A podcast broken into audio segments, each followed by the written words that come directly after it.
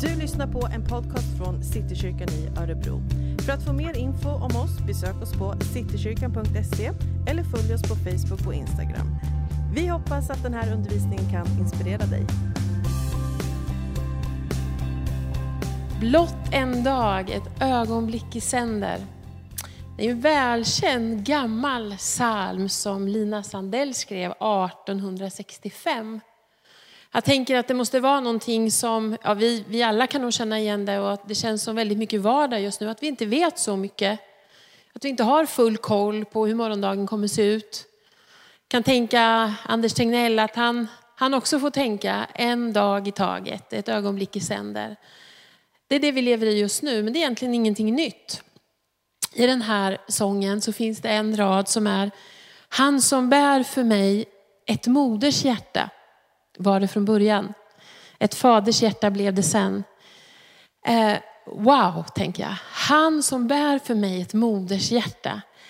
Eh, alltså Guds kärlek till oss, jag tror inte att vi fattar hur stor den är. Eh, jag tror att vi människor lätt hamnar i Gud som den där stränga, Gud som en domare, Gud som är noggrann och petig med allt. Och ja, absolut, han har ju den sidan också. Och jag väljer att tänka lite grann som, som vi föräldrar kanske. Att för alla er som har barn så tänker jag, inte låter vi göra, barnen göra precis som de vill. När de vill och hur de vill och precis vad som helst. Utan det ingår ju liksom att vi ska vara där och leda och visa vägen. Och, och det ingår kanske att man ibland också blir lite sträng eller lite extra tydlig. Om du inte har barn så har du garanterat stött på kanske en förälder kanske en lärare som har varit så där extra tydlig. Elever brukar gilla de där extra tydliga. För att man känner att bakom det så ligger det så mycket omsorg. Att man vill barnen väl, att vi vill att de ska lyckas. Det är så det är att vara förälder eller ha den där rollen, kanske som mentor eller för någon annan, även om du inte är förälder. Att du, du vill att de ska lyckas och må bra. Jag hade en upplevelse med två av våra barn för många år sedan. De var små, fem och sex år gamla. Vi var på ett köpcentra och eh, jag var inne på en butik och hade sagt att ni kan klättra i den där lilla klätterställningen eh, några minuter. Den var bara några meter därifrån och jag tyckte jag var bara där någon minut och kommer ut. Och då möter jag en dam först och hon är jätteupprörd och hon skäller ut mig. Hon undrar om de där är mina barn. Och jag tänker, ja, vad har de gjort? Och då visade hon mig vad de hade gjort när jag var inne i butiken. Det här var på andra våningen och det fanns ett högt staket. För det var ju ganska många meter ner till första våningen. Och de hade klättrat över staketet och gått, ställt sig längst ut på kanten. Och nedanför var det stengolv, kanske 6-7 meter ner. När jag fick höra det här så blev jag ju jag blev så skräckslagen. Jag blev nästan lamslagen i hela kroppen. Och jag blev ju inte så här, kom nu, utan jag blev så här, barn. Jag tog fram dem till det här staketet. Damen hade försvunnit för länge sedan. Jag tog fram dem till staketet och så sa jag, titta här nu. Förstår ni vad som hade hänt om ni hade ramlat? Och sen började jag beskriva, på inte så jättepedagogiskt sätt kanske, ungefär att alla armar och ben hade gått av och huvudet hade gått sönder om ni hade ramlat ner och ni hade fått åka ambulans in till sjukhuset. Och sen så fick jag liksom lugna mig igen. Nu går vi till bilen. Och så tänkte jag, då får jag tid, andas lite. Var, bli, var klok och vis nu. Alltså, det är inte alltid lätt att vara förälder. Och vi sätter oss i bilen och jag tänker, tar jag ett djupt andetag och så säger jag den där berömda frågan som säkert du använder också. Hur tänkte ni? Och jag fick ganska varierande svar. Det ena, det yngsta barnet sa hon grät högljutt och sa, jag kan bara tänka på att armarna och benen skulle ha gått av och mitt huvud skulle ha gått sönder. Jag skulle, ja, tänkte, åh hjälp, jag skrämt slag på henne. Och det andra barnet satt tyst och tittade ut genom fönstret. Hur tänkte du? Sa jag med lite sträng röst och tänkte, du är ändå äldst. Och då vände hon sig om och tittade hon på mig och sa, Ja, jag vet inte. Jag tänkte bara att jag alltid har drömt om att stå så där vid ett stup utan staket och känna hur det känns. Passivt aggressiv mamma. En stund, andas. Alltså det är ju svårt. Och jag tänker att så här måste det vara för Gud också. För vi är också jätteolika. Vi ger honom också jätteolika svar när han undrar, hur tänkte du nu? Eller hur blev det där? Och trots det så är Guds kärlek och Guds tålamod med oss så otroligt, det är det som är kanske framför allt hans karaktär. Och när vi kom hem sen så hade det där släppt. Och då var det här, kom nära mig. För jag vill skydda dem, jag vill hålla dem nära mig. Du vet känslan av att om ni sitter här, då kan ingenting hända. Och sån är Gud. Han vill ha oss nära. Han vill att vi ska få känna och uppleva den här enorma kärleken som kommer från honom. Han vill ge oss trygghet i alla livets situationer. Det finns en fantastisk berättelse, eh, det finns många, hela Bibeln är full, men eh, som jag har gått och tänkt på faktiskt i flera dagar. Och det handlar om Moses, det är precis i början på Bibeln. Och eh, där Mose, han har en jättesvår roll, ett jättesvårt uppdrag. Det är från andra Mosebok kapitel 33. Det har redan hunnit hända en hel del grejer. Han, han leder ju Israels folk ut ur Egypten och de ska till det här lufteslandet som Gud har sagt. Men, men det händer ju massor med grejer och det är svårt, men han har Gud. Och, Gud, och han pratar med Gud. Han, han och Gud har en speciell relation. Och i, i just det här kapitlet, och med början i vers 18, för det är så här att de har en mötesplats också. En speciell plats dit Mose går för att möta Gud och prata med honom. Och det är ett, ett uppenbarelsetält kallar han det för. Så när de flyttar runt så här, för det var ju det de gjorde, gick en bit och så liksom slog de läger. Och i det där tältet då som han byggde upp varje gång, det låg en liten bit utanför tältstaden. Liksom. Dit gick man för att liksom söka Gud. Och när han gick dit, då, då står det i Bibeln här att, att människorna liksom gick ut ur sina tält och kollade. För de visste att när Mose gick dit, då kom Guds härlighet och den syndes. Den såg ut som ett moln. Hur Guds härlighet och Guds närvaro kom. Och då visste de, nu pratar Gud med Mose. Wow, liksom, kan jag tänka mig att det måste nästan ha varit tyst också. För alla ville höra.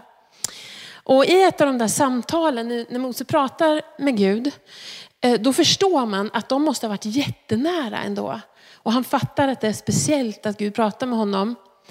Och, och då säger Mose till Gud att han vill se honom. Han vill se hans ansikte, han vill se hans härlighet. Och Gud svarar att det, det kan du inte få, ingen kan se mitt ansikte. Men som vi föräldrar kanske, vi kan känna igen det här om du tänker den här föräldrakänslan. Men jag kan ge dig, vad kan jag göra? Så Gud sträcker sig en bit till. Han säger, men vet du vad? Här finns plats bredvid mig. Ställ dig här på klippan, säger han till Mose. Kom närmare, ställ dig här. Och så går du in i den här skrevan. Och så går jag förbi. Och då så ska jag hålla min hand över dig och skydda dig. För den här strålglansen från Gud var så stark. Mose går in där. Och Gud går förbi. Och när Gud har gått förbi och Mose tittar, då får han se Guds rygg. Så nära Gud var han. Och Gud säger att hans godhet och hans nåd ska vara med honom och hjälpa honom och att han ska förbarma sig över honom.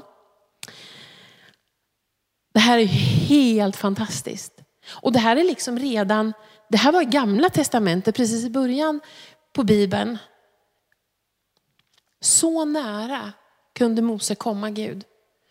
Men på den tiden så kunde ju inte alla komma så nära Gud. Det var ju bara särskilt utvalda människor.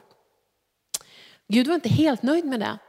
Även om det var en del av hans skapelse och en del av hela hans story så hade han ju en plan redan från början att alla vi skulle kunna komma i kontakt med honom.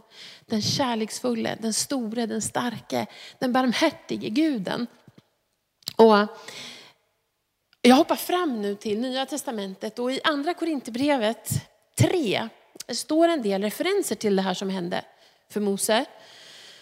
Och det står att, då står det så här att om den gamla, och nu läser jag, förut så citerade jag från den här folkbibeln, men nu läser jag från The Message som är en lite mer levande översättning. Om den gamla förvaltningen var så storslagen, vad kan vi då inte vänta oss av detta klart skinande nya välde som ska vara för evigt. Och då menar han det, här, det här nya som kom när Jesus kom. Nya testamentet, den nya delen, det nya förbundet. När vi nu har livats upp av detta hopp kan ingenting stoppa oss. Den gamla lagen, där Gud var på avstånd och bara var nära utvalda människor. En del tror, står det här, att den fortfarande gäller. Men, och nu citerar jag direkt innan till. Så fort de vänder blicken mot Gud, som Mose gjorde, lyfter Gud undan slöjan och där, där strålar de öga mot öga. Plötsligt inser de att Gud är en levande, närvarande person. Inte någon som är hugget ur sten. Och när Gud uppenbarar sig i egen hög person som en levande ande, då inser vi också att den gamla inrutade lagstiftningen är föråldrad. Vi är fria från den, alla människor. Det finns inte längre någonting mellan oss och Gud. Alltså ingenting. Våra ansikten strålar av glansen från honom. Vi förvandlas nästan som Messias och våra liv blir vackrare och mer strålande allt eftersom Gud kommer in i våra liv och vi blir som han.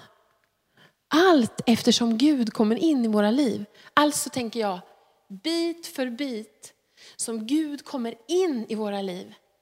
Gud sa till Mose, här är en plats nära mig. Ställ dig här på klippan. Gud säger till dig idag, här finns en plats nära mig. Han till och med säger att han vill komma in i ditt liv. Han till och med säger att den här strålglansen som kommer ifrån honom och som vill göra ditt liv vackert, att du kan få ta emot den. Alla människor, vi allihopa kan få möta den här kraften.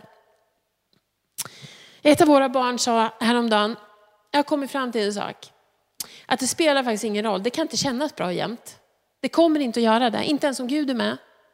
Men jag har kommit fram till att även när det känns dåligt, jobbigt och riktigt mörkt ibland, så är grejen att Gud är med då också. Att jag är aldrig ensam.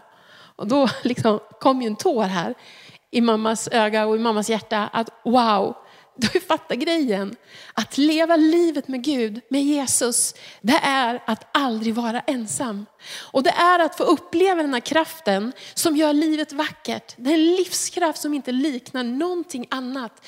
Där du dag efter dag kan få bli påfylld och få uppleva hur den här barmhärtige, kärleksfulla fadern kommer nära dig och där du får komma nära honom.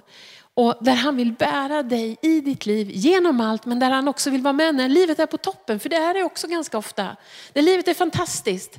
Där han vill njuta av och se hur du, ditt liv blir vackert och helt, helt fantastiskt. Jag tror att vi måste berätta det här. Gud är för dig. Gud är inte mot dig. Gud älskar dig så mycket.